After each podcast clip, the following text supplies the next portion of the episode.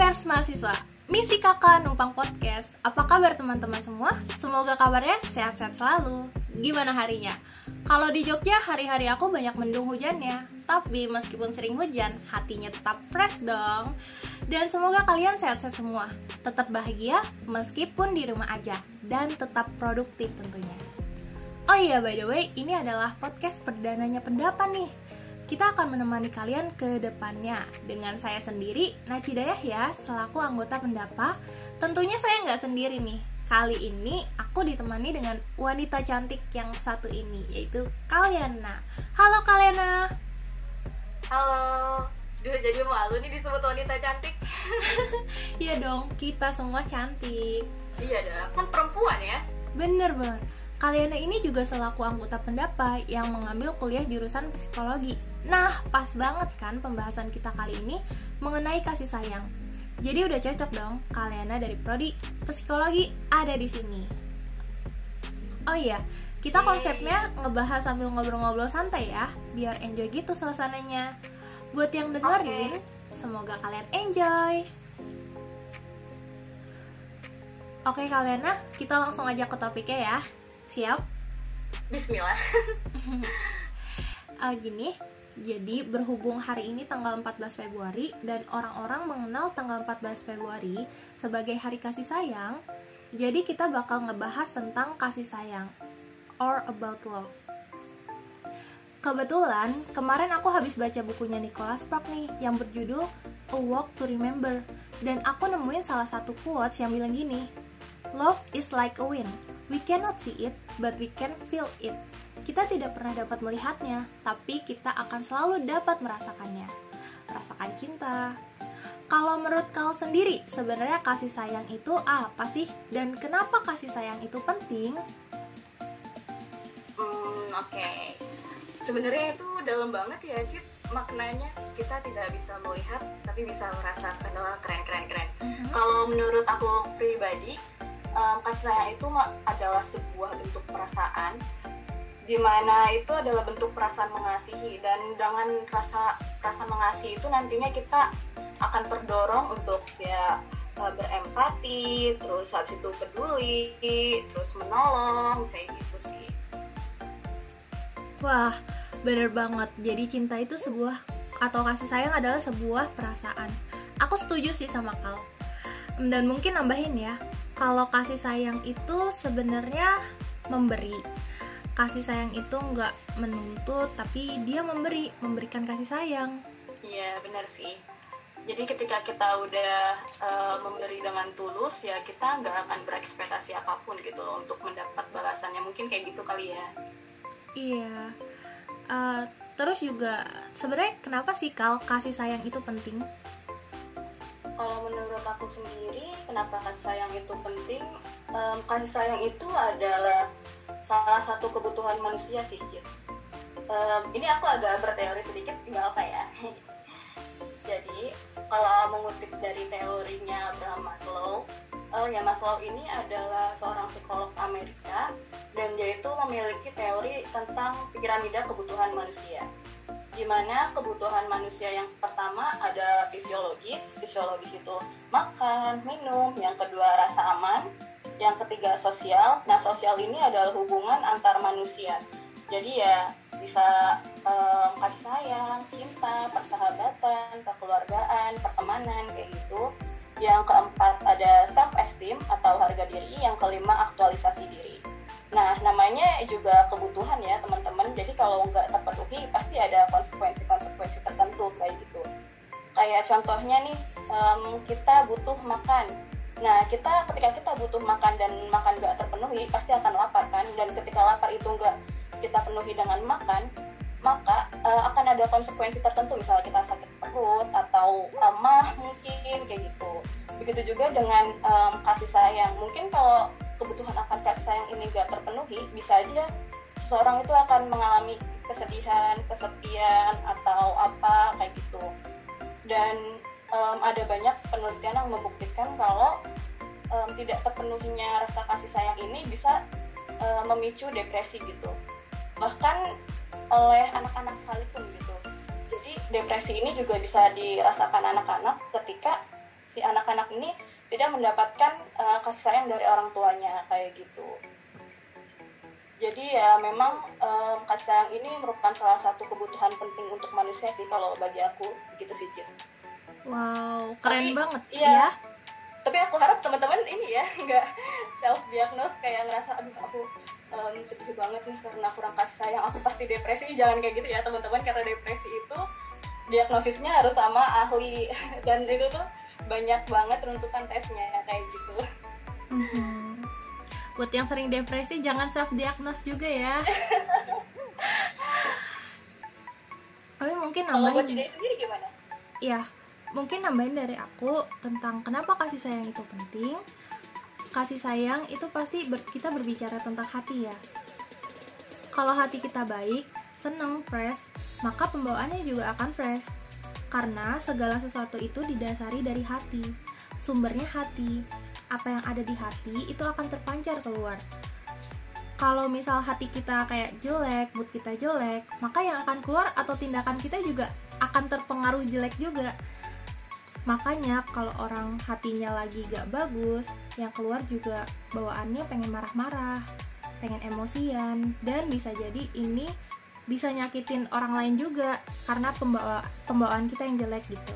Maka Hmm, hmm, hati kita tuh penting dan perlu kasih sayang gitu. hmm, jadi kayak perasaan gitu ya Cid? Iya, Sebenarnya aku sepakat sih soalnya em, perasaan terus eh, pikiran sama tingkah laku itu saling berkaitan sih menurut aku. Jadi ya kayak misalnya em, seseorang eh, sedang dalam mood yang tidak bagus nih, itu biasanya tindakan dia ya cenderung kayak eh, mungkin agresif ke temennya atau mungkin jadi menjauh kayak gitu sih. Jadi memang tingkah laku, pikiran dan perasaan itu saling berkaitan. Bener. Dan setiap orang itu perlu kasih sayang. Ya, setiap Benar-benar. setiap orang itu sebenarnya perlu kasih sayang. Baik aku, baik kalian, nah, baik para listener nih yang dengerin kamu, itu kita semua butuh kasih sayang. Oh iya kak, ngomong-ngomong tentang kasih sayang, kamu lebih pilih mana nih? Dikasihi atau mengasihi? Waduh, ini ini ini, ini pertanyaannya. Kenapa sih wanita itu harus selalu memilih? Bukankah kita bisa mendapatkan keduanya? Waduh.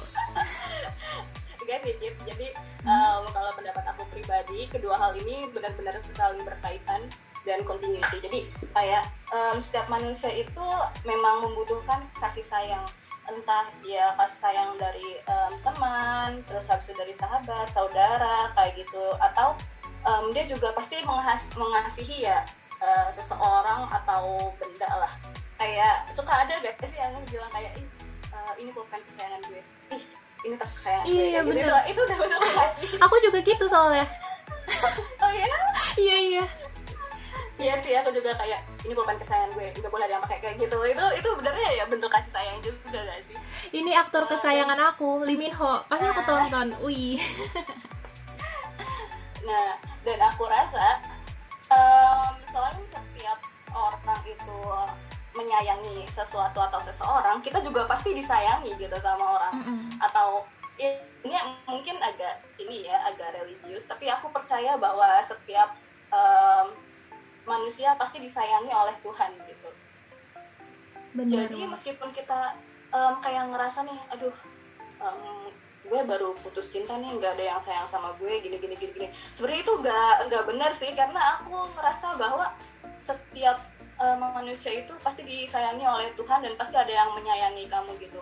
Cuma terkadang em, ketika kita lagi emosional, itu pikiran kita bakal sempit nggak sih kayak em, hal yang membuat kita sedih terpuruk itu tuh satu-satunya hal yang kita perhatikan kayak gitu jadi memang ketika orang sedang emosi nggak berpikir objektif dan jadi kita karena nggak berpikir objektif itulah kita jadi nggak eh, memikirkan yang sayang sama kita yang peduli sama kita kayak gitu karena kita terlalu fokus sama hal yang emang membuat kita sedih atau stres kayak gitu sih Nah, karena ini pertanyaan dari kamu ya, Cid, tak balikin deh. Kalau dari kamu sendiri, lebih suka mengasihi atau dikasihi? Ayo. Aduh. Tahu gak sih kau? Ini tuh pertanyaannya susah. Aku kayak Ya, gak bisa gak bisa memilih mengasihi duluan atau dikasihi dulu gitu. Tapi Hmm, mungkin aku bakal milih. Ini nggak nggak nggak general ya. Mungkin ada saat-saat tertentu aku lebih suka dikasihi duluan sih. Baru aku bisa mengasihi. Tapi sebenarnya ini bukan patokan karena lebih enak tuh kita tuh setara gitu. Kayak saling mengasihi dan saling dikasihi. Wih. Iya bener banget. Makanya aku bilang kalau eh, ini nggak bisa dipisahkan sih antara mengasihi dan dikasihi. Jadi ya eh, berkesinambungan gitu. Ya bener. Bener sih Cip. bener. Kalau nggak bisa milih ya iya sebenarnya tuh. nggak bisa milih.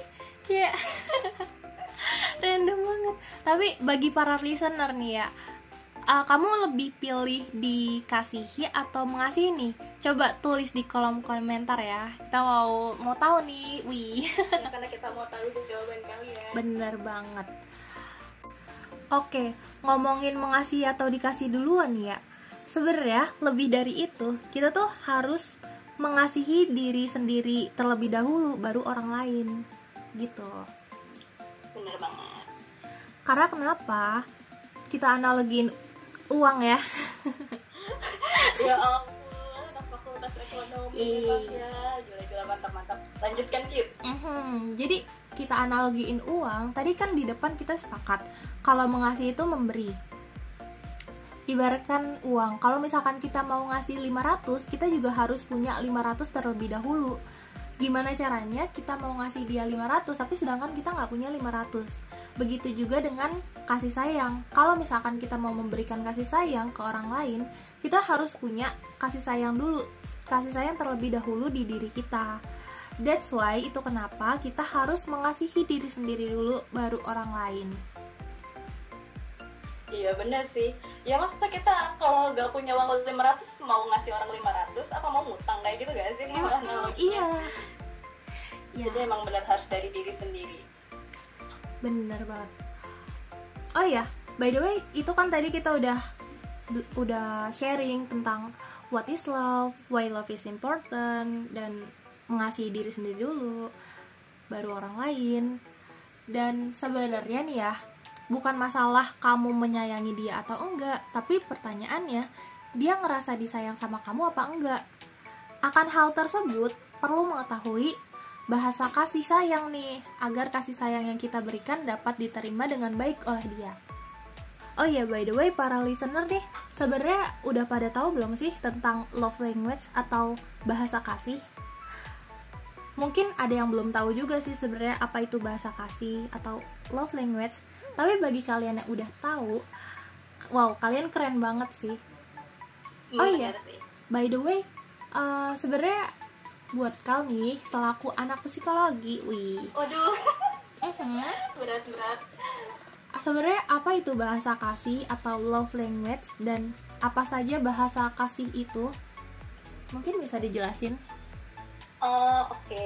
Sebenarnya aku seneng sih, maksudnya banyak eh, teman-teman yang kalau teman-teman banyak yang tahu tentang love language ini, soalnya em, love language ini adalah salah satu cara berkomunikasi untuk menyampaikan rasa sayang kita ke orang yang terkasih kayak gitulah. Mm-mm. Tapi orang terkasih di sini gak sempit ya teman-teman, maksudnya gak cuma ke pasangan aja, bisa ke keluarga, bisa ke teman, atau bisa ke saudara kayak gitu. Atau ke Nah, organisasi untuk- juga ya? Iya, ih bisa banget itu sih. Nah, untuk um, love language sendiri, tiap orang itu unik dan berbeda. Maksudnya, um, di sini kan ada lima nih, lima bahasa cinta. Yang pertama ada hadiah, yang kedua ada tindakan melayani, yang ketiga ada kata-kata afirmasi, yang keempat ada quality time, dan yang kelima ada uh, sentuhan fisik. Nah, tiap orang ini punya um, bahasa cinta yang berbeda. Kalau dalam teori ini sendiri, ketika em, kita salah memberikan bahasa cinta ke orang yang kita kasihin itu bakal menimbulkan miskomunikasi gitu jadi mereka bakal ngerasa nggak disayang atau apa gitu gitu sih Cit kalau Itunya, Hmm, pengertiannya. iya. Wih, keren banget sih ada love language. Mungkin kau bisa jelasin tentang uh, poin-poin dari bahasa kasih sendiri itu. Tadi ada hadiah. Oh, iya. Mhm. oke em, kita mulai dari yang per- pertama ya kata-kata afirmasi jadi kata-kata afirmasi ini adalah bahasa cinta seseorang yang um, dia itu kalau menunjukkan kasih sayangnya dengan kata-kata positif kayak um, ketika kamu lagi terpuruk nih dia bakal bilang semangat atau um, kalimat aku sayang kamu, aku cinta kamu, terus uh, makasih selama ini udah bareng aku terus, makasih selama ini kamu udah bareng aku terus atau uh, sampai sini aja kamu udah hebat banget kok kayak gitu. Jadi kata-kata um, yang menunjukkan kalau mereka itu peduli sama kamu dan mereka bakal um, bersama kamu kayak gitu istilahnya. Terus yang kedua ini ada um, quality time. Nah, quality time sendiri ini adalah bentuk komunikasi dari orang yang um, sering mengorbankan waktunya untuk kamu gitu. Misalnya di salah-salah kesibukan dia, dia um, menyempatkan waktu untuk main ke rumah kamu, untuk sekedar ya cuma ngobrol, nonton film atau masak bareng kayak gitu. Jadi ketika dia bersama kamu dia itu benar-benar uh, fokus untuk punya waktu yang berkualitas sama kamu ya ngejauhin um, da diri dari HP mungkin atau apa kayak gitu. Terus yang ketiga ada sentuhan fisik. Nah sentuhan fisik di sini maksudnya bukan yang sentuhan yang agresif kayak gitu ya teman-teman. Kayak misalnya kita ketemu orang terus kita sayang sama dia tapi kita nunjukin dengan cara uh, dengan cara noyo kepala dia lah atau apa bukan ya. Jadi um, untuk sentuhan fisik sendiri ini ya diungkapkan dengan uh, lembut kayak misalnya dipeluk atau digandeng tangannya, duduk berdekatan, terus habis itu dielus-elus kepalanya kayak gitu. Biasanya orang yang punya um, bahasa cinta untuk sentuhan fisik itu memberikannya kayak gitu.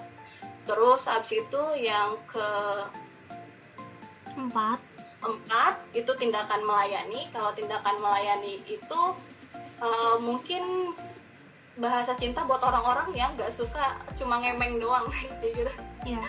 jadi ya ya jadi misalnya nih um, kamu punya um, bahasa cinta tindakan melayani nah ketika kamu punya pasangan atau temen gitu itu kamu ngeliat dia pulang nih sendirian kamu gak akan cuma ngomong hati-hati ya di jalan kayak gitu. Tapi kamu benar-benar akan melakukan tindakan kayak nganterin dia pulang atau ngeboncengin dia atau hal yang lain-lainnya gitu. Jadi itu benar-benar tindakan nyata kayak gitu.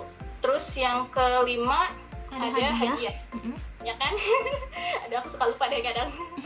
Nah hadiah ini um, sebenarnya orang yang punya bahasa cinta memberikan hadiah itu nggak melulu hadiah mahal gitu yang dia kasih. Nah biasanya kayak misalnya nih kamu um, lagi nugas nih. Nah kamu um, suka dibeliin um, martabak mungkin atau minuman kesukaan kamu atau makanan favorit kamu kayak gitu. Itu sebenarnya udah bentuk kasih sayang dengan cara pemberian hadiah. Kayak gitu sih Cit singkatnya. Wih, keren banget teorinya love language. Dan sebenarnya Iya, aku senang banget loh kalau ada yang tahu tentang ini soalnya ini akan meminimali apa ya meminimalisir orang Miskomunikasi. miskom gitu loh. Iya. iya. miskomunikasi bahasa kasih. yes Dan sebenarnya kayak pentingnya tuh gini, mungkin kita kasih contoh ya kayak bahasa kasih orang tiap orang tuh beda-beda. Kayak bahasa kasihku sama bahasa kasihnya kalian tuh beda. Kalau bahasa kasihku itu tindakan melayani. Aku suka uh, sesuatu tindakan yang nyata, nggak cuma hanya kata-kata semangat gitu. Kalau kaliannya apa? kalau aku sendiri sih em, ini sih kata-kata positif soalnya aku senang banget kalau lagi ngedown gitu Mm-mm. itu ada yang bilang semangat atau e, tenang aja kamu pasti bisa kok karena dengan cara seperti itu menurut aku ya itu tuh em, perjuangan aku kehadiran aku itu benar-benar diapresiasi kayak gitu sih gitu dan bahasa kasih aku dan kalian itu beda. Ini kayak nggak ada yang bener salah sih cuma kayak lebih serak aja sama yang mana sih cara penyampaian kasih sayangnya seseorang ke kita gitu. Dan benar banget. kenapa penting? Karena kalau misalkan kalian mau nunjukin bahwa kalian tuh menyayangi aku gitu ya kasih sayang memberikan kasih sayang ke aku. Menurut kalian tuh eh, pakai kata-kata semangat itu udah udah cukup gitu ya udah cukup. Karena menurut kalian kasih sayang itu ya bahasa kasih sayangnya kalian kata-kata afirmasi kata-kata semangat. Sedangkan aku eh, bahasa kasih sayangku itu tindakan melayani aku nggak aku tidak merasa tersayangi kalau cuma kalau hanya kata-kata yang membangun. Aku perlu tindakan nyata kayak uh, bantuin tugasku atau pokoknya tindakan nyata gitu. Kayak kamu ada yang kurang yang gimana membantu gitu. kamu gitu ya? Mm-mm, bener kayak gitu. Dan miskomunikasinya di sini. Kalian merasa uh, dia mengasihi aku tapi aku merasa kurang gitu tidak dikasih dengan baik dan benar. Karena di sini ada perbedaan bahasa kasih sayang gitu. Jadi kayak penting banget mengetahui bahasa kasih sayang kita terutama uh, orang-orang uh, terdekat kamu agar gak terjadi miskomunikasi bahasa kasih sayang. Kayak gitu guys. Yeah. jadi kalau dalam teori ini mungkin kalau kamu yang bilang uh, aduh aku ngerasa nggak disayang nih sama pasangan aku bla bla bla segala macem mungkin bisa dilihat dulu bagaimana cara dia menyampaikan sayang dia dan apa bahasa cinta kamu. Kalau misalnya ternyata kalian berbeda ya itu akan menimbulkan komunikasi gitu. Ya nggak sih Cip? bener. Dan gimana sih cara mengetahui bahasa kasih sayang kita masing-masing atau love language kita masing-masing atau pasangan atau kamu orang-orang terdekat kamu? Nanti uh, kita bakal kasih linknya di deskripsi. Kalian bisa klik di situ dan kalian bisa tes di situ. Gitu deh. Wah keren keren aha jadi itu tadi kita udah bahas tentang what is love why is why love is important dan kita udah nge-sharing tentang love language dan selanjutnya kita akan ngebahas tentang pengimplementasian kasih sayang dalam kehidupan kita sehari-hari, khususnya ke diri sendiri dan ke organisasi. Kalau misalkan pengimplementasian kasih sayang ke diri sendiri itu dari hal terkecil ya diri sendiri, menurut kalian gimana nih? Wah, kalau menurut aku sendiri ya justru diri sendiri itu adalah orang yang maksudnya adalah yang paling penting dan paling pertama harus dilakukan gitu. Dan prosesnya pun gak instan sih teman-teman. Jadi menyayangi diri sendiri itu adalah uh, proses yang panjang karena berlangsung selama seumur hidup gitu dan kalau uh, versi menyayangi diri sendiri menurut aku itu dengan cara kita merdeka sih jadi diri sendiri. Ya kita bebas punya nilai-nilai sendiri kita bebas punya pendapat sendiri kita bebas punya pandangan dan um, pendapat sendiri. Tentunya uh, tanpa mengusik hak orang lain ya. Jadi kita benar-benar um, bebas jadi diri sendiri dan menerima kekurangan sama kelebihan. Tapi kadang gini nggak sih Cid? Kita tuh mm-hmm. sering banget um, sayang sama orang lain tapi kita tuh cenderung keras sama diri sendiri gitu. Soalnya iya soalnya aku pribadi tuh kayak ngerasa dengan cara kita keras ke diri sendiri itu akan memacu kita untuk um, apa ya bergerak lebih jauh gitu dan berkembang. Tapi ternyata itu malah merusak diri sendiri gitu. Jadi menurut aku um, untuk menyayangi diri sendiri itu bisa dilakukan dengan cara kamu memandang diri kamu sebagai orang yang ingin kamu tolong kayak gitu. Hmm. jadi iya jadi terkadang um, apa ya kita itu harus melihat diri kita sendiri sebagai orang yang memang perlu ditolong perlu berkembang gitu. Oke jadi itu tadi pendapatnya Kalena. Jadi mungkin ada juga nih teman-teman yang keras sama diri kalian sendiri uh, tapi sebenarnya itu nggak baik gitu. Kalian harus menolong memperlakukan diri kalian sendiri seperti orang yang ditolong gitu. Terus juga tadi self love itu suatu kemerdekaan juga ya kal tadi. Iya. Oh ya aku sekalian mau nambahin dikit dong. Jadi um, kadang di saat kita lagi down lagi stres lagi frustasi uh, tolong jangan terlalu keras ya teman-teman sama diri sendiri. Selama um, kita berkembang aku rasa nggak apa-apa kita ambil waktu untuk menangin diri karena sebenarnya um, perasaan stres terus frustasi kayak gitu itu kan pasti ya gitu pasti banget kita alami seumur hidup kita. Dan perasaan itu nggak akan berlangsung lama kok teman-teman. Jadi teman-teman uh, boleh ambil waktu sebentar terus habis itu um, dipikirin uh, aku lagi ngerasain apa ya terus uh, masalahku ini apa ya kayak gitu. Jadi bantu diri kalian untuk memvalidasi perasaan kalian sendiri. Karena dengan kalian membantu dan udah tahu nih perasaan kalian oh aku sedang merasakan sedih karena aku mengalami ini ini ini. Nah itu lebih membantu teman-teman biar bisa menemukan solusi atas permasalahan teman-teman kayak gitu. Ah, iya, Jadi bener. ini juga salah satu bentuk uh, menyayangi diri sendiri sih. Dengan cara kasih waktu dan uh, membantu teman-teman itu untuk uh, lebih berkembang lagi. Kayak gitu sih Cit. Kasih waktu kalau misalkan lagi frustasi kayak mungkin ada juga yang bingung kenapa sih aku frustasi? gitu. Mungkin bisa uh, berinteraksi ngomong sama diri sendiri tanya diri sendiri. mm -hmm, banget. take your atau dibantu time. dengan nulis jurnal ya atau diary kayak gitu. Dan me time tanya sebenarnya aku tuh kenapa sih? Kenapa hari ini aku sedih? Kenapa hari ini aku seneng? Gitu. Kalau misalkan itu itu cara kalau lagi bad mood gak jelas sih. Iya, tanyain ke diri sendiri. Gitu dan mungkin cara self love orang-orang tuh kayak beda-beda gitu. Tadi kalau aku sempet tanya-tanya orang juga tanya-tanya temen aku self love kamu gimana sih? Self love aku main sama anak kecil gitu kayak mereka lucu.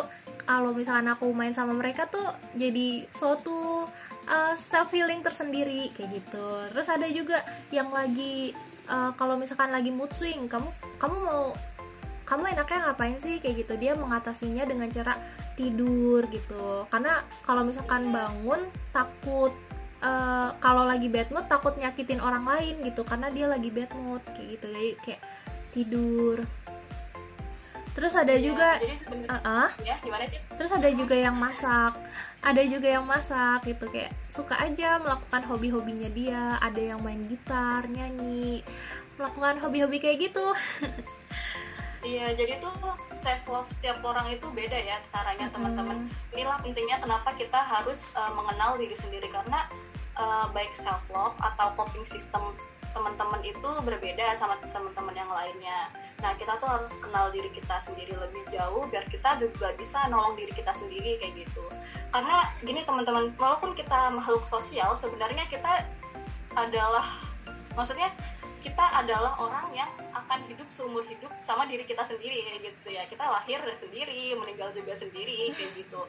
Jadi uh, mulailah menolong dari diri sendiri gitu. Tapi aku harap ini nggak akan bikin teman-teman jadi individualis ya. Maksudnya kita tetap uh, makhluk sosial tapi ya tolonglah tolong diri kalian dulu gitu baru ke orang lain. Kalau di ekonomi tuh ada teorinya gini sih aku jadi inget.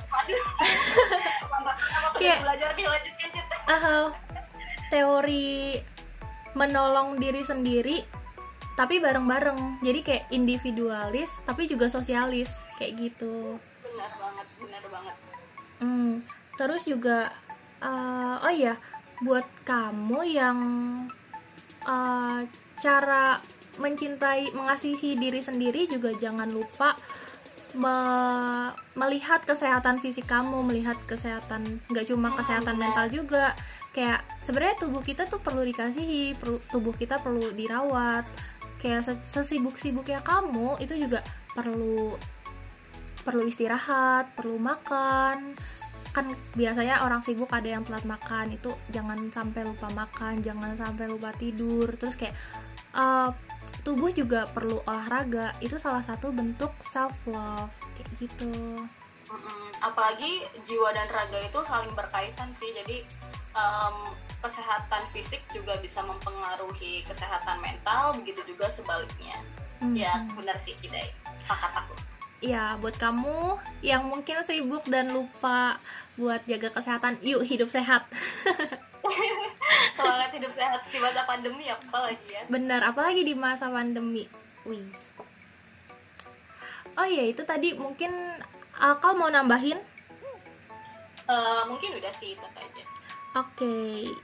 jadi self love itu penting banget ya teman-teman dan selanjutnya kita akan membahas tentang implementasi kasih sayang dalam organisasi nih. Apalagi kan kayak di masa-masa pandemi uh, jarang ketemu sama organisasi juga Wah, gitu. Dan gimana kal? Menurut kalian? Um, aku ngerasa um, aku berorganisasi pada tahun 2020-2021 ini sangat berbeda sama tahun-tahun sebelumnya. Karena tahun-tahun sebelumnya itu kita tuh nggak kayak begini gitu. Kita mm -hmm. ketemu langsung. Iya atmosfernya tuh kayak udah beda. Beda banget kayak beda banget. struggle-nya tuh oh mm -hmm. ya ampun kayak gitu deh.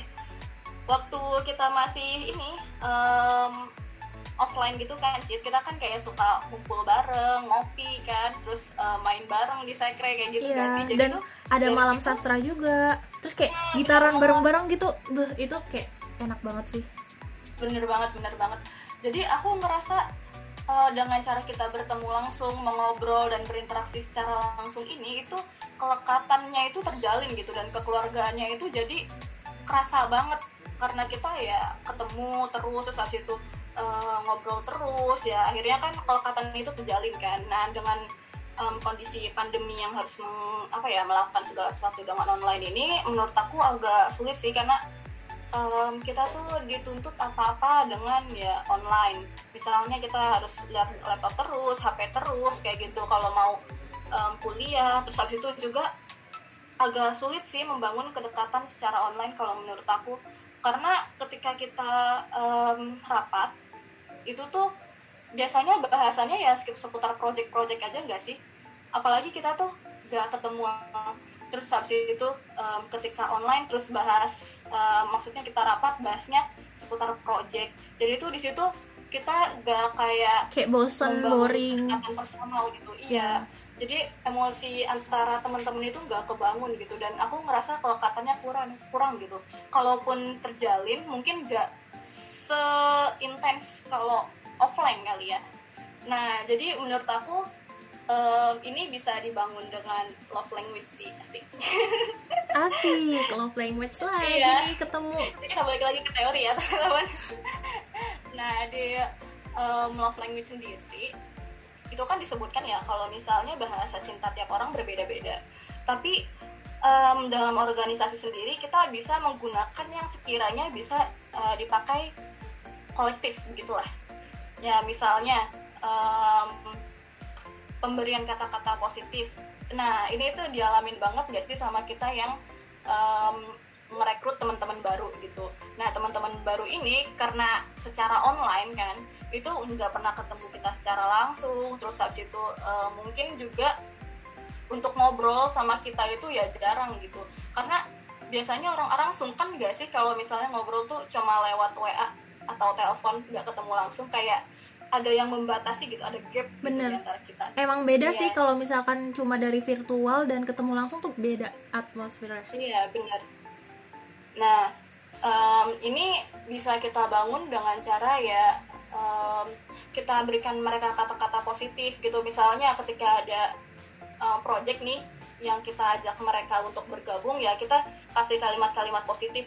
Tenang kau bisa kok ayo semangat. Tenang ada kita di sini ntar yang ngebantuin. Kamu gak sendirian kok kayak gitu. Terus yang kedua ada waktu berkualitas. Nah ini waktu berkualitas uh, sebenarnya bisa diagendakan sama um, teman-teman di dalam organisasi. Jadi ketika kita ketemu dan mengobrol itu yang gak dibahas itu gak melulu project gitu. Gak melulu tugas project atau agenda-agenda um, organisasi. Tapi bisa untuk kayak ya kita malam sastra nih misalnya ya cit online kayak gitu antara teman-teman uh, dari domisilinya masing-masing itu nyanyi terus habis itu berpuisi gitu-gitu. Terus habis itu bisa ngadain main game bareng kayak gitu. Jadi itu itu bener-bener uh, nggak apa ya di luar konteks formal gitu. Nah itu bisa membangun kedekatan juga. Terus habis itu um, kalau sentuhan fisik kan pasti nggak bisa dilakukan kan?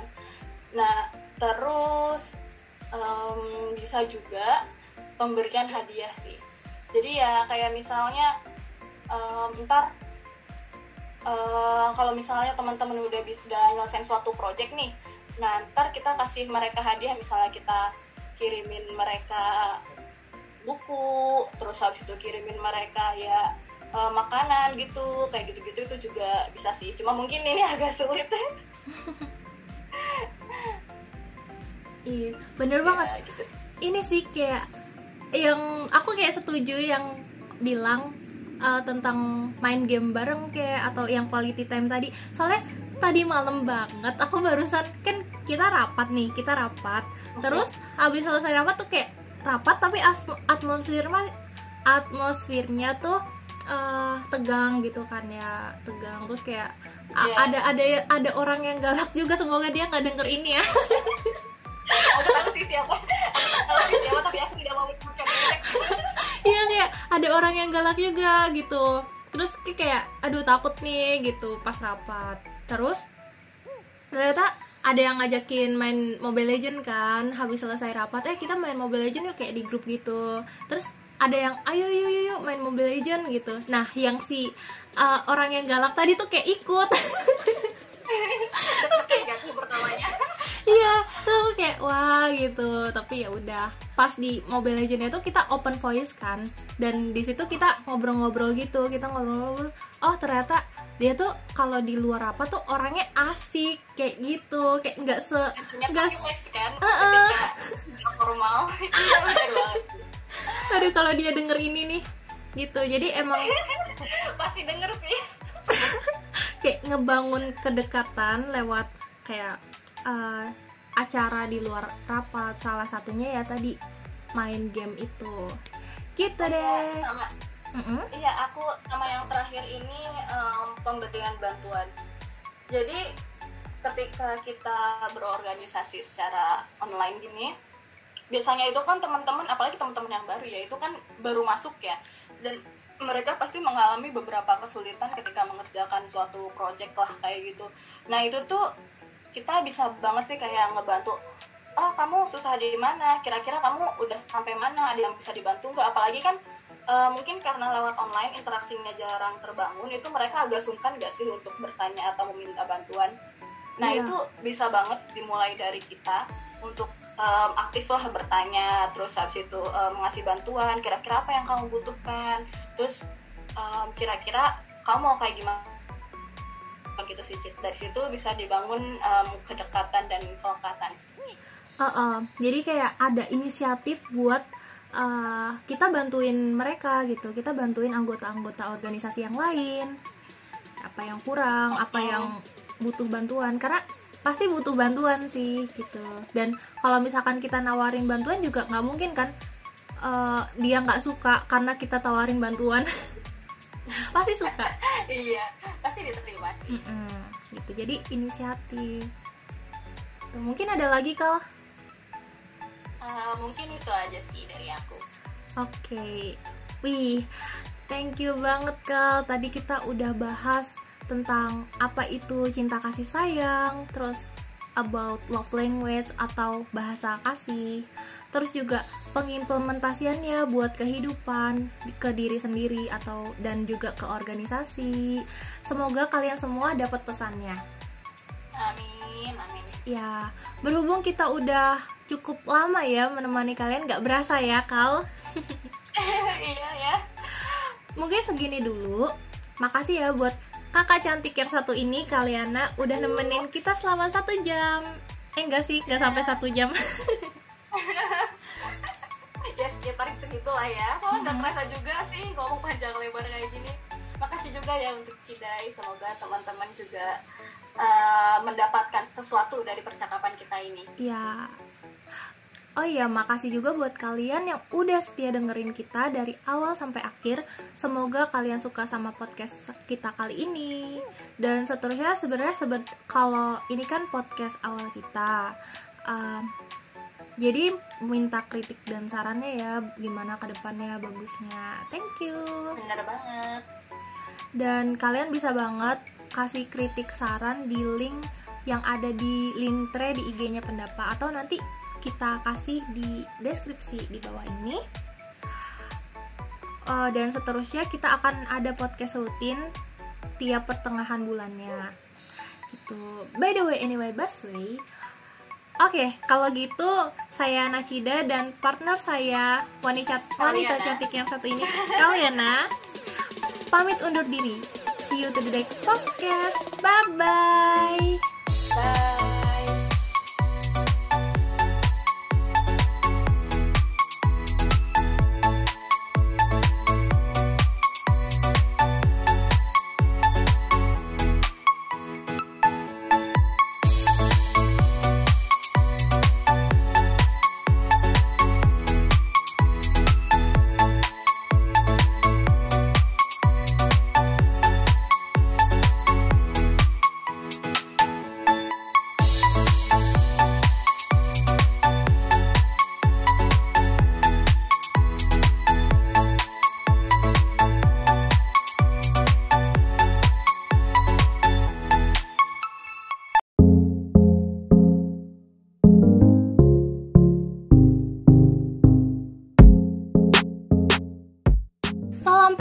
mahasiswa. Misi kakak numpang podcast. Apa kabar teman-teman semua? Semoga kabarnya sehat-sehat selalu. Gimana harinya? Kalau di Jogja hari-hari aku banyak mendung hujannya. Tapi meskipun sering hujan Hatinya tetap fresh dong. Dan semoga kalian sehat-sehat semua. Tetap bahagia meskipun di rumah aja. Dan tetap produktif tentunya. Oh iya by the way Ini adalah podcast perdananya pendapat nih kita akan menemani kalian ke depannya dengan saya sendiri, Naci Dayah ya, selaku anggota pendapa. Tentunya saya nggak sendiri nih. Kali ini aku ditemani dengan wanita cantik yang satu ini, yaitu Kaliana. Halo Kaliana. Halo. Duh, jadi malu nih disebut wanita cantik. Iya dong, kita semua cantik. Iya dah, kan perempuan ya. Bener banget. Kaliana ini juga selaku anggota pendapa yang mengambil kuliah jurusan psikologi. Nah, pas banget kan pembahasan kita kali ini mengenai kasih sayang. Jadi udah cocok dong Kaliana dari prodi psikologi ada di sini. Oh iya, kita konsepnya ngebahas sambil ngobrol-ngobrol santai ya, biar enjoy gitu suasananya. Buat yang dengerin, semoga kalian enjoy. Oke Kaliana, kita langsung aja ke topiknya ya. Siap? Bismillah. uh, gini, jadi berhubung hari ini tanggal 14 Februari dan orang-orang mengenal tanggal 14 Februari sebagai hari kasih sayang, jadi kita bakal ngebahas tentang kasih sayang or about love. Kebetulan, kemarin aku habis baca bukunya Nicholas Spark nih yang berjudul A Walk to Remember dan aku nemuin salah satu quotes yang bilang gini, Love is like a wind. We cannot see it, but we can feel it. Kita tidak pernah dapat melihatnya, tapi kita akan selalu dapat merasakannya. Merasakan cinta. Kalau menurut kau sendiri, sebenarnya kasih sayang itu apa sih? Dan kenapa kasih sayang itu penting? Hmm, oke. Okay. Sebenarnya itu dalam banget ya, Cit. Maknanya kita tidak bisa melihat, tapi bisa merasakan. Wah, keren, keren, keren. Mm -hmm. Kalau menurut aku pribadi, um, kasih sayang itu adalah sebuah bentuk perasaan di mana itu adalah bentuk perasaan mengasihi. Dan dengan rasa rasa mengasihi itu nantinya kita akan terdorong untuk ya e, berempati terus habis itu peduli terus menolong kayak gitu sih. Wah bener banget. Jadi cinta itu sebuah atau kasih sayang adalah sebuah perasaan. Aku setuju sih sama kal.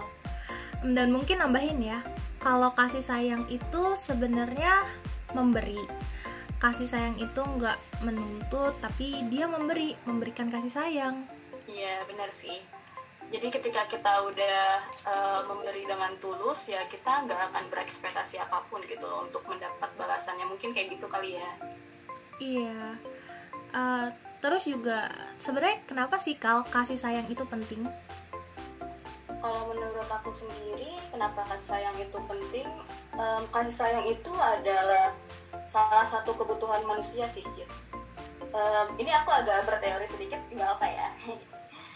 Jadi kalau mengutip dari teorinya Abraham Maslow uh, ya Maslow ini adalah seorang psikolog Amerika dan dia itu memiliki teori tentang piramida kebutuhan manusia di mana kebutuhan manusia yang pertama ada fisiologis, fisiologis itu makan, minum, yang kedua rasa aman, yang ketiga sosial. Nah, sosial ini adalah hubungan antar manusia. Jadi ya bisa um, kasih sayang, cinta, persahabatan, kekeluargaan, pertemanan kayak gitu. Yang keempat ada self esteem atau harga diri, yang kelima aktualisasi diri. Nah, namanya juga kebutuhan ya teman-teman. Jadi kalau nggak terpenuhi pasti ada konsekuensi-konsekuensi tertentu kayak gitu. Kayak contohnya nih, um, kita butuh makan.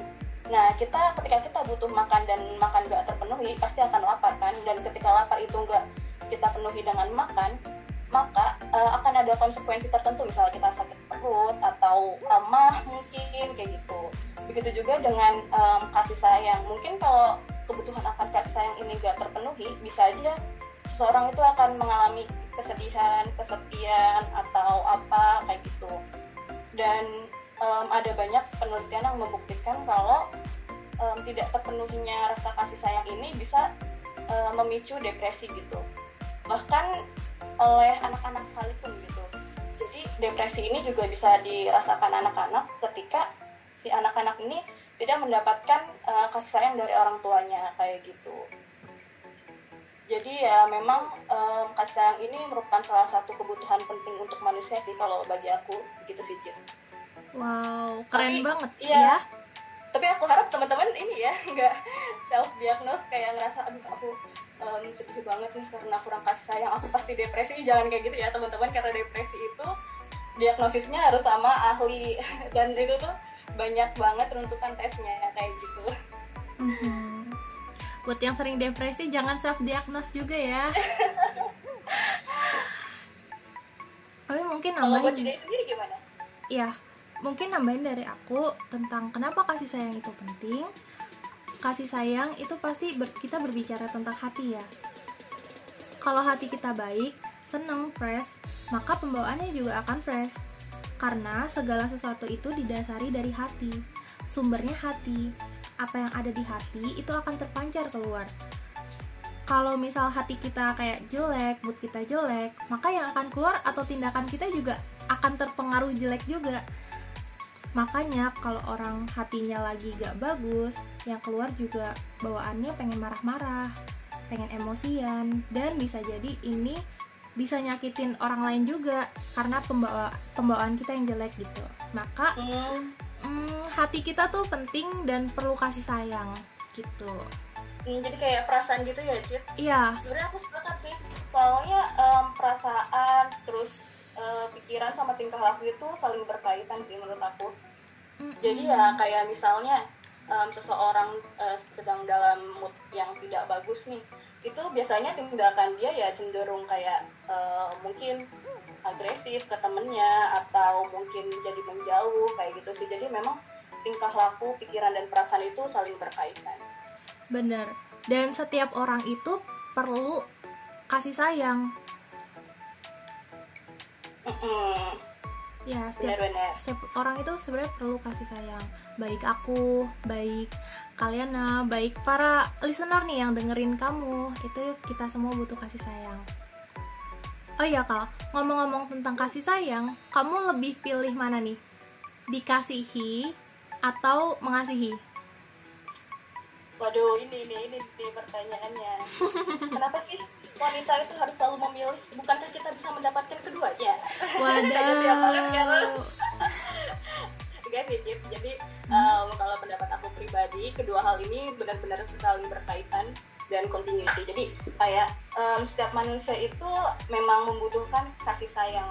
Entah dia kasih sayang dari um, teman, terus habis itu dari sahabat, saudara, kayak gitu. Atau um, dia juga pasti menghas- mengasihi ya uh, seseorang atau benda lah. Kayak suka ada gak sih yang bilang kayak ih uh, ini bukan kesayangan gue. Ih ini tas kesayangan gue. Iya, Kayak gitu. bener. Itu, itu udah bener kasih. Aku juga gitu soalnya. Oh iya? Iya iya. Iya sih aku juga kayak ini bukan kesayangan gue. Nggak boleh ada yang pakai kayak gitu. Itu itu benernya ya bentuk kasih sayang juga gak sih? Ini aktor kesayangan aku, Lee Min Ho. Pasti aku tonton. Wih. Nah, dan aku rasa em, selain setiap orang itu menyayangi sesuatu atau seseorang, kita juga pasti disayangi gitu sama orang. Mm-mm. Atau ya, ini mungkin agak ini ya agak religius, tapi aku percaya bahwa setiap em, manusia pasti disayangi oleh Tuhan gitu. Bener. Jadi meskipun kita em, kayak ngerasa nih, aduh, em, gue baru putus cinta nih, nggak ada yang sayang sama gue, gini gini gini gini. Sebenarnya itu nggak nggak benar sih, karena aku ngerasa bahwa setiap em, manusia itu pasti disayangi oleh Tuhan dan pasti ada yang menyayangi kamu gitu. Cuma terkadang em, ketika kita lagi emosional, itu pikiran kita bakal sempit nggak sih? Kayak em, hal yang membuat kita sedih terpuruk. Itu tuh satu-satunya hal yang kita perhatikan kayak gitu. Jadi memang ketika orang sedang emosi nggak berpikir objektif. Dan jadi kita karena nggak berpikir objektif itulah kita jadi nggak eh, memikirkan yang sayang sama kita yang peduli sama kita kayak gitu karena kita terlalu fokus sama hal yang emang membuat kita sedih atau stres kayak gitu sih Nah, karena ini pertanyaan dari kamu ya, tak balikin deh. Kalau dari kamu sendiri, lebih suka mengasihi atau dikasihi? Ayo. Aduh.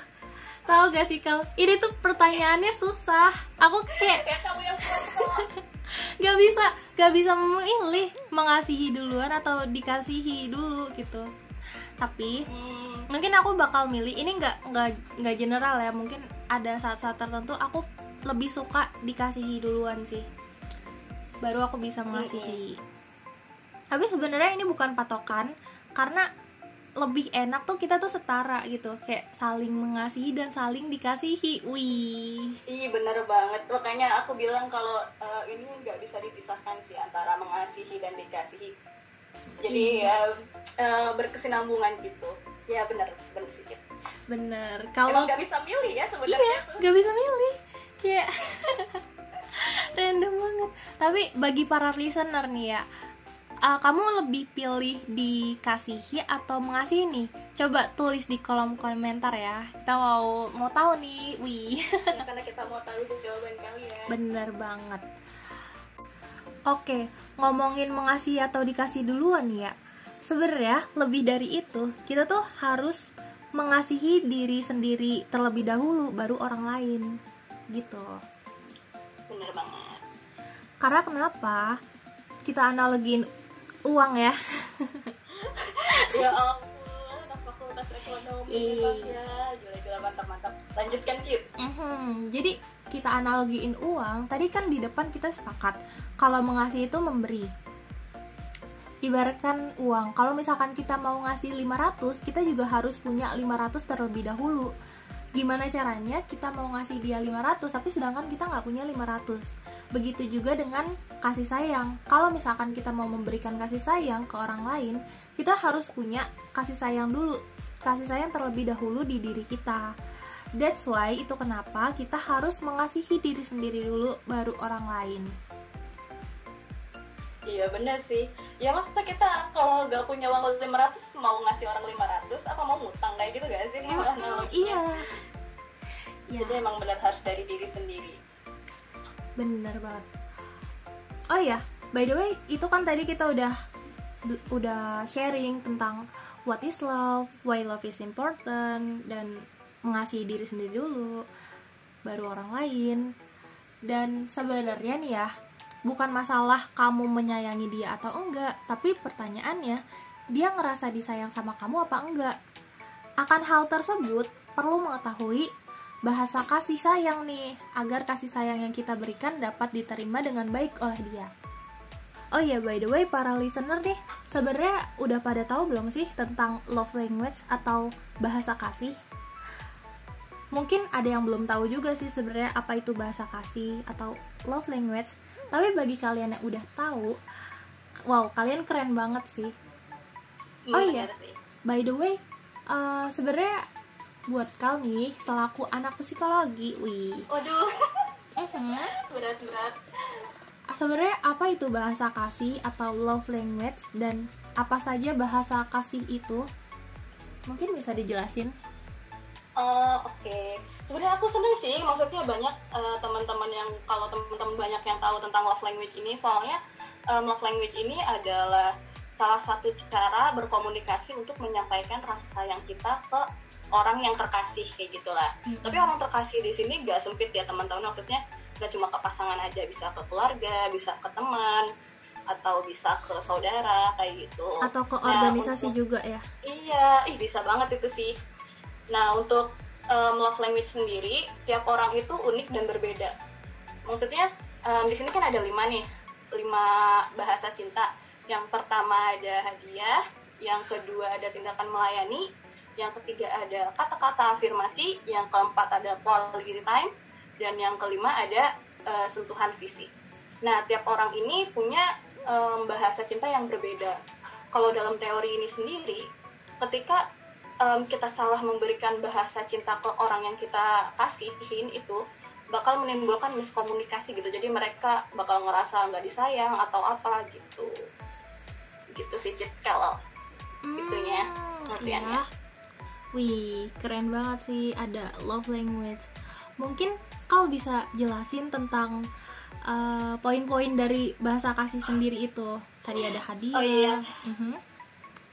oke em, kita mulai dari yang per- pertama ya kata-kata afirmasi. Jadi kata-kata afirmasi ini adalah bahasa cinta seseorang yang um, dia itu kalau menunjukkan kasih sayangnya dengan kata-kata positif. Kayak um, ketika kamu lagi terpuruk nih dia bakal bilang semangat atau um, kalimat aku sayang kamu, aku cinta kamu, terus uh, makasih selama ini udah bareng aku terus, makasih selama ini kamu udah bareng aku terus atau uh, sampai sini aja kamu udah hebat banget kok kayak gitu. Jadi kata-kata um, yang menunjukkan kalau mereka itu peduli sama kamu dan mereka bakal um, bersama kamu kayak gitu istilahnya.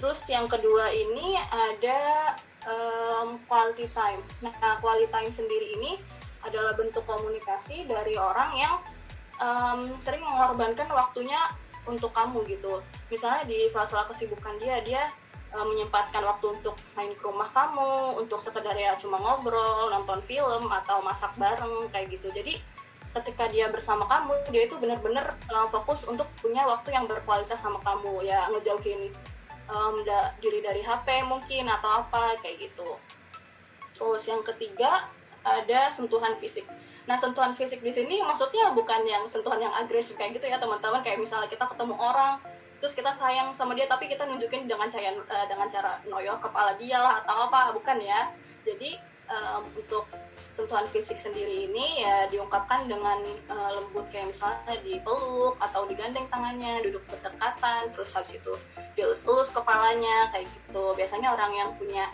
um, bahasa cinta untuk sentuhan fisik itu memberikannya kayak gitu. Terus habis itu yang ke empat empat itu tindakan melayani. Kalau tindakan melayani itu uh, mungkin bahasa cinta buat orang-orang yang nggak suka cuma ngemeng doang gitu Iya. jadi ya iya jadi misalnya nih um, kamu punya um, bahasa cinta tindakan melayani nah ketika kamu punya pasangan atau temen gitu itu kamu ngeliat dia pulang nih sendirian kamu gak akan cuma ngomong hati-hati ya di jalan kayak gitu. Tapi kamu benar-benar akan melakukan tindakan kayak nganterin dia pulang atau ngeboncengin dia atau hal yang lain-lainnya gitu. Jadi itu benar-benar tindakan nyata kayak gitu. Terus yang kelima Ada ada, hadiah. hadiah, Mm-mm. ya kan? Ada aku suka lupa deh kadang.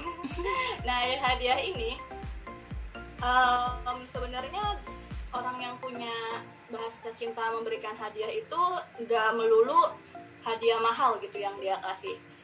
Nah biasanya kayak misalnya nih kamu um, lagi nugas nih nah kamu um, suka dibeliin um, martabak mungkin atau minuman kesukaan kamu atau makanan favorit kamu kayak gitu. Itu sebenarnya udah bentuk kasih sayang dengan cara pemberian hadiah kayak gitu sih Cit singkatnya.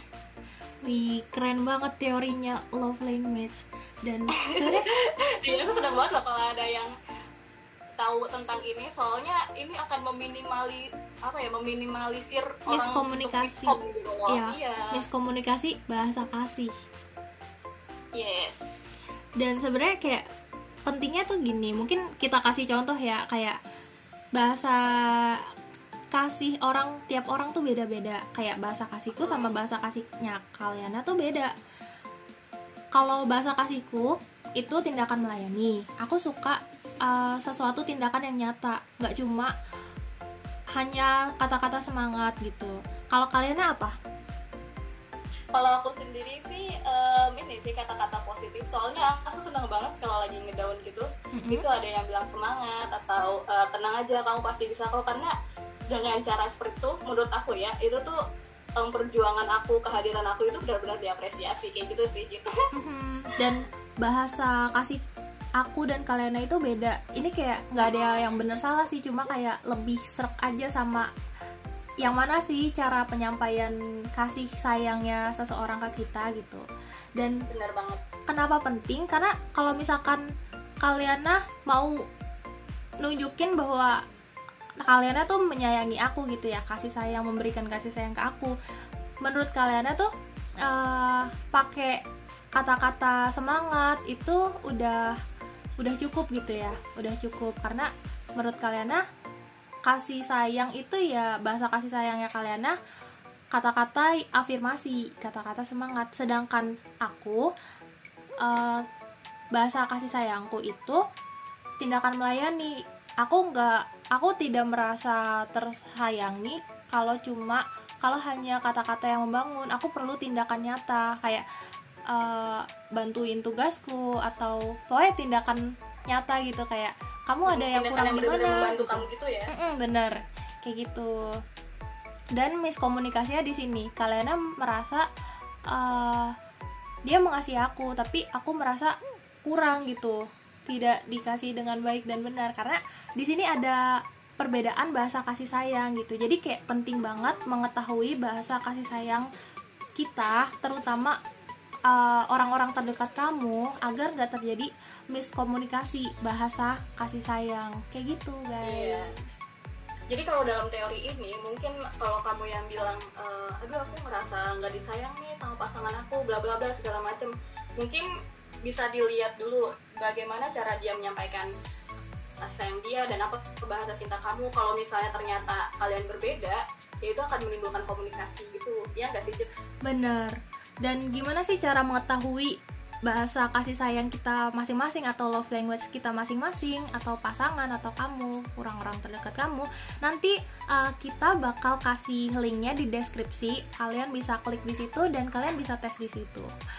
Gitu deh. Wah keren keren aha jadi itu tadi kita udah bahas tentang what is love why is why love is important dan kita udah nge-sharing tentang love language dan selanjutnya kita akan ngebahas tentang pengimplementasian kasih sayang dalam kehidupan kita sehari-hari, khususnya ke diri sendiri dan ke organisasi.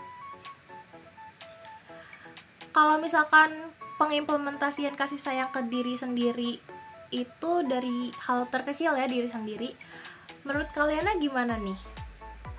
Wah, kalau menurut aku sendiri ya justru diri sendiri itu adalah orang yang maksudnya adalah yang paling penting dan paling pertama harus dilakukan gitu.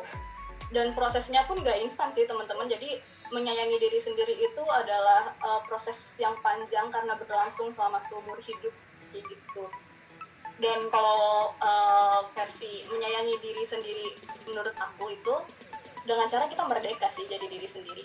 Ya kita bebas punya nilai-nilai sendiri kita bebas punya pendapat sendiri kita bebas punya pandangan dan um, pendapat sendiri. Tentunya uh, tanpa mengusik hak orang lain ya jadi kita benar-benar um, bebas jadi diri sendiri dan menerima kekurangan sama kelebihan. Tapi kadang gini gak sih Cip kita tuh mm-hmm. sering banget um, sayang sama orang lain tapi kita tuh cenderung keras sama diri sendiri gitu. Soalnya iya soalnya aku pribadi tuh kayak ngerasa dengan cara kita keras ke diri sendiri itu akan memacu kita untuk um, apa ya bergerak lebih jauh gitu dan berkembang. Tapi ternyata itu malah merusak diri sendiri gitu. Jadi menurut aku um, untuk menyayangi diri sendiri itu bisa dilakukan dengan cara kamu memandang diri kamu sebagai orang yang ingin kamu tolong kayak gitu. Hmm. jadi iya. Jadi terkadang um, apa ya kita itu harus melihat diri kita sendiri sebagai orang yang memang perlu ditolong perlu berkembang gitu. Oke jadi itu tadi pendapatnya Kalena. Jadi mungkin ada juga nih teman-teman yang keras sama diri kalian sendiri. Uh, tapi sebenarnya itu nggak baik gitu. Kalian harus menolong memperlakukan diri kalian sendiri seperti orang yang ditolong gitu. Terus juga tadi self love itu suatu kemerdekaan juga ya kal tadi. Iya. Oh ya aku sekalian mau nambahin dikit dong. Jadi um, kadang di saat kita lagi down lagi stres lagi frustasi uh, tolong jangan terlalu keras ya teman-teman sama diri sendiri. Selama um, kita berkembang aku rasa nggak apa-apa kita ambil waktu untuk menangin diri karena sebenarnya um, perasaan stres terus frustasi kayak gitu itu kan pasti ya gitu pasti banget kita alami seumur hidup kita. Dan perasaan itu nggak akan berlangsung lama kok teman-teman. Jadi teman-teman uh, boleh ambil waktu sebentar terus habis itu um, dipikirin aku lagi ngerasain apa ya terus uh, masalahku ini apa ya kayak gitu. Jadi bantu diri kalian untuk memvalidasi perasaan kalian sendiri. Karena dengan kalian membantu dan udah tahu nih perasaan kalian oh aku sedang merasakan sedih karena aku mengalami ini ini ini. Nah itu lebih membantu teman-teman biar bisa menemukan solusi atas permasalahan teman-teman kayak gitu. Ayo, ah, Jadi bener. ini juga salah satu bentuk uh, menyayangi diri sendiri sih. Dengan cara kasih waktu dan uh, membantu teman-teman itu untuk uh, lebih berkembang lagi. Kayak gitu sih Cit. Kasih waktu kalau misalkan lagi frustasi kayak mungkin ada juga yang bingung kenapa sih aku frustasi? gitu. Mungkin bisa uh, berinteraksi ngomong sama diri sendiri tanya diri sendiri. Mm banget. take your atau dibantu time. dengan nulis jurnal ya atau diary kayak gitu. Dan me time tanya sebenarnya aku tuh kenapa sih? Kenapa hari ini aku sedih? Kenapa hari ini aku seneng gitu. Kalau misalkan itu itu cara kalau lagi bad mood gak jelas sih. Iya, tanyain ke diri sendiri. Gitu dan mungkin cara self love orang-orang tuh kayak beda-beda gitu. Tadi kalau aku sempet tanya-tanya orang juga tanya-tanya temen aku self love kamu gimana sih? Self love aku main sama anak kecil gitu kayak mereka lucu kalau misalkan aku main sama mereka tuh jadi suatu uh, self healing tersendiri kayak gitu. Terus ada juga yang lagi uh, kalau misalkan lagi mood swing kamu kamu mau kamu enaknya ngapain sih kayak gitu. Dia mengatasinya dengan cara tidur gitu. Karena kalau misalkan bangun takut uh, kalau lagi bad mood takut nyakitin orang lain gitu karena dia lagi bad mood kayak gitu. Jadi kayak tidur terus ada ya, juga uh -uh, ya gimana sih terus ada juga yang masak. Ada juga yang masak gitu kayak suka aja melakukan hobi-hobinya dia. Ada yang main gitar nyanyi. Melakukan hobi-hobi kayak gitu.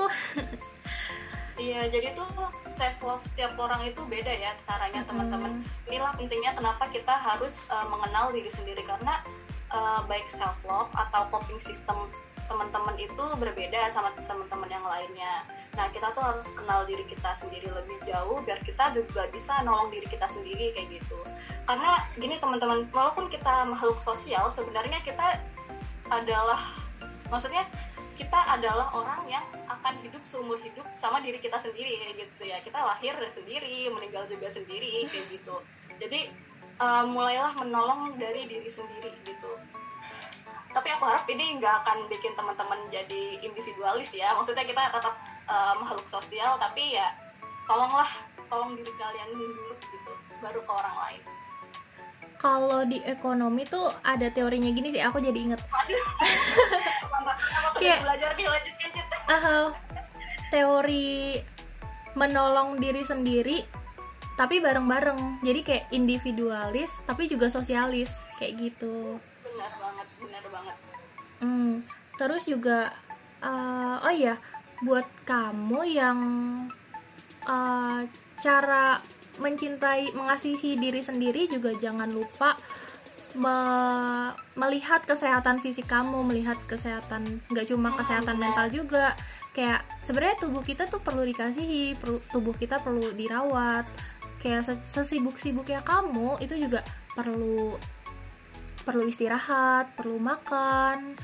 Kan biasanya orang sibuk ada yang telat makan itu jangan sampai lupa makan jangan sampai lupa tidur. Terus kayak uh, tubuh juga perlu olahraga itu salah satu bentuk self love kayak gitu. Apalagi jiwa dan raga itu saling berkaitan sih. Jadi um, kesehatan fisik juga bisa mempengaruhi kesehatan mental begitu juga sebaliknya. Mm-hmm. ya benar sih Cidai. Sepakat aku ya buat kamu yang mungkin sibuk dan lupa buat jaga kesehatan yuk hidup sehat. Semangat hidup sehat di masa pandemi apalagi ya? Benar apalagi di masa pandemi. Wih. Oh iya itu tadi mungkin akal mau nambahin? Uh, mungkin udah sih itu aja. Oke. Okay. jadi self love itu penting banget ya teman-teman. Dan selanjutnya kita akan membahas tentang implementasi kasih sayang dalam organisasi nih apalagi kan kayak di masa-masa pandemi uh, jarang ketemu sama organisasi juga Wah, gitu. banget. Dan gimana kal? Menurut kalian? Um, aku merasa um, aku berorganisasi pada tahun 2020-2021 ini sangat berbeda sama tahun-tahun sebelumnya. Karena tahun-tahun sebelumnya itu kita tuh nggak kayak begini gitu. Kita mm -hmm. ketemu langsung. Iya atmosfernya tuh kayak udah beda. Beda banget kayak beda banget. struggle-nya tuh oh mm-hmm. ya ampun kayak gitu deh. Waktu kita masih ini um, offline gitu kan Cid. Kita kan kayak suka kumpul bareng ngopi kan terus uh, main bareng di sekre kayak gitu iya, gak sih? Jadi dan tuh, ada malam itu, sastra juga. Terus kayak hmm, gitaran bareng-bareng gitu. Buh, itu kayak enak banget sih. Bener banget bener banget.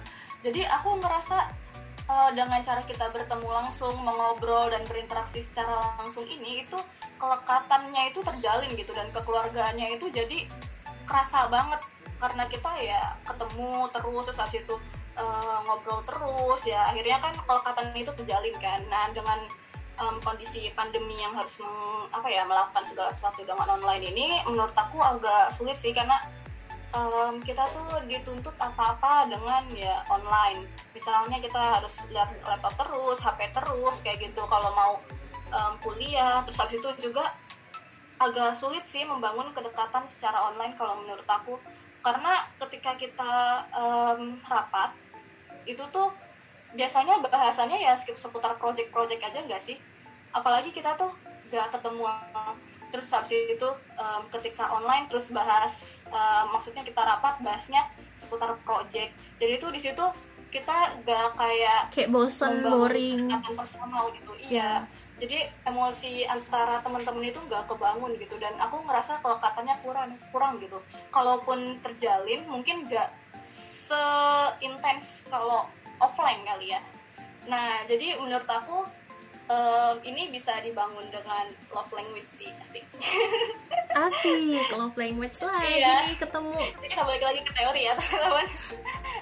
Nah di um, love language sendiri itu kan disebutkan ya kalau misalnya bahasa cinta tiap orang berbeda-beda. Tapi um, dalam organisasi sendiri kita bisa menggunakan yang sekiranya bisa uh, dipakai kolektif begitulah. Ya misalnya um, pemberian kata-kata positif. Nah ini tuh dialamin banget gak sih sama kita yang um, merekrut teman-teman baru gitu. Nah teman-teman baru ini karena secara online kan itu nggak pernah ketemu kita secara langsung. Terus habis itu uh, mungkin juga untuk ngobrol sama kita itu ya jarang gitu. Karena biasanya orang-orang sungkan nggak sih kalau misalnya ngobrol tuh cuma lewat WA atau telepon nggak ketemu langsung kayak ada yang membatasi gitu, ada gap gitu Bener. Gitu antara kita. Emang beda yeah. sih kalau misalkan cuma dari virtual dan ketemu langsung tuh beda atmosfernya. Iya, benar Nah, um, ini bisa kita bangun dengan cara ya um, kita berikan mereka kata-kata positif gitu. Misalnya ketika ada um, project nih yang kita ajak mereka untuk bergabung ya kita kasih kalimat-kalimat positif. Tenang, kamu bisa kok. Ayo semangat. Tenang ada kita di sini ntar yang ngebantuin. Kamu gak sendirian kok kayak gitu. Terus yang kedua ada waktu berkualitas. Nah ini waktu berkualitas uh, sebenarnya bisa diagendakan sama um, teman-teman di dalam organisasi. Jadi ketika kita ketemu dan mengobrol itu yang nggak dibahas itu nggak melulu project gitu. Nggak melulu tugas project atau agenda-agenda um, organisasi. Tapi bisa untuk kayak ya kita malam sastra nih misalnya ya cit online kayak gitu. Antara teman-teman uh, dari domisilinya masing-masing itu nyanyi terus habis itu berpuisi gitu-gitu. Terus habis itu bisa ngadain main game bareng kayak gitu jadi itu itu bener-bener uh, nggak apa ya di luar konteks formal gitu. Nah itu bisa membangun kedekatan juga. Terus habis itu um, kalau sentuhan fisik kan pasti nggak bisa dilakukan kan. Nah terus um, bisa juga pemberian hadiah sih. Jadi ya kayak misalnya um, ntar uh, kalau misalnya teman-teman udah bisa udah nyelesain suatu project nih nah ntar kita kasih mereka hadiah misalnya kita kirimin mereka buku terus habis itu kirimin mereka ya uh, makanan gitu kayak gitu-gitu itu juga bisa sih. Cuma mungkin ini agak sulit. Iya bener ya, banget gitu sih. ini sih kayak yang aku kayak setuju yang bilang uh, tentang main game bareng kayak atau yang quality time tadi. Soalnya tadi malam banget aku barusan kan kita rapat nih kita rapat. Okay. terus abis selesai rapat tuh kayak rapat tapi atmosfernya atmosfernya tuh uh, tegang gitu kan ya tegang. Terus kayak yeah. ada ada ada orang yang galak juga semoga dia nggak denger ini ya. Aku tahu sih siapa aku tahu sih siapa tapi aku tidak mau menyebutkan Iya kayak ada orang yang galak juga gitu. Terus kayak aduh takut nih gitu pas rapat terus ternyata ada yang ngajakin main Mobile Legend kan habis selesai rapat eh kita main Mobile Legend yuk kayak di grup gitu. Terus ada yang ayo yuk yuk, yuk main Mobile Legend gitu. Nah yang si uh, orang yang galak tadi tuh kayak ikut terus kayak pertamanya. Iya tuh kayak wah gitu. Tapi ya udah pas di Mobile Legend itu kita open voice kan. Dan di situ kita ngobrol-ngobrol gitu kita ngobrol-ngobrol. Oh ternyata dia tuh kalau di luar apa tuh orangnya asik kayak gitu. Kayak nggak se nggak kan uh -uh. normal aduh kalau dia denger ini nih gitu. Jadi emang pasti denger sih kayak ngebangun kedekatan lewat kayak uh, acara di luar rapat salah satunya ya tadi main game itu. Gitu deh. sama mm -hmm. iya aku sama yang terakhir ini um, pemberian bantuan. Jadi ketika kita berorganisasi secara online gini biasanya itu kan teman-teman apalagi teman-teman yang baru ya itu kan baru masuk ya. Dan mereka pasti mengalami beberapa kesulitan ketika mengerjakan suatu project lah kayak gitu. Nah itu tuh kita bisa banget sih kayak ngebantu oh kamu susah di mana? Kira-kira kamu udah sampai mana? Ada yang bisa dibantu nggak? Apalagi kan uh, mungkin karena lewat online interaksinya jarang terbangun itu mereka agak sungkan gak sih untuk bertanya atau meminta bantuan? Nah iya. itu bisa banget dimulai dari kita untuk um, aktif lah bertanya terus habis itu um, mengasih bantuan kira-kira apa yang kamu butuhkan terus um, kira-kira kamu mau kayak gimana? Gitu sih Cid. dari situ bisa dibangun um, kedekatan dan kelekatan sih. Uh -uh. jadi kayak ada inisiatif buat uh, kita bantuin mereka gitu. Kita bantuin anggota-anggota organisasi yang lain. Apa yang kurang apa yang butuh bantuan. Karena pasti butuh bantuan sih gitu. Dan kalau misalkan kita nawarin bantuan juga nggak mungkin kan uh, dia nggak suka karena kita tawarin bantuan. Pasti suka. Iya pasti diterima sih. Mm -mm, gitu. Jadi inisiatif. Tuh, mungkin ada lagi kal? Uh, mungkin itu aja sih dari aku. Oke. Okay. wih thank you banget kal. Tadi kita udah bahas tentang apa itu cinta kasih sayang terus about love language atau bahasa kasih terus juga pengimplementasiannya buat kehidupan ke diri sendiri atau dan juga ke organisasi. Semoga kalian semua dapat pesannya. Amin amin. Ya berhubung kita udah cukup lama ya menemani kalian nggak berasa ya kal. Iya ya. Mungkin segini dulu. Makasih ya buat kakak cantik yang satu ini Kaliana udah nemenin kita selama satu jam. Eh enggak sih nggak sampai satu jam. Ya sekitar segitulah ya. Soalnya nggak kerasa juga sih ngomong panjang lebar kayak gini.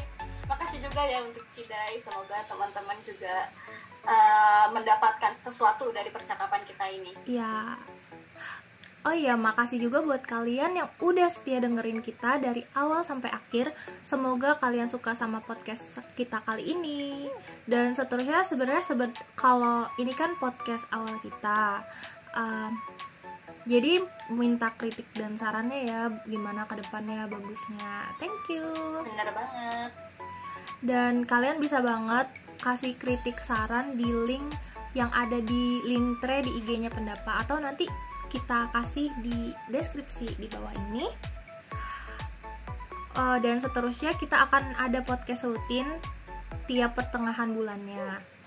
Gitu. By the way, anyway, Basway Oke, okay, kalau gitu saya Nacida dan partner saya wanita wanita cantik yang satu ini Kaliana pamit undur diri.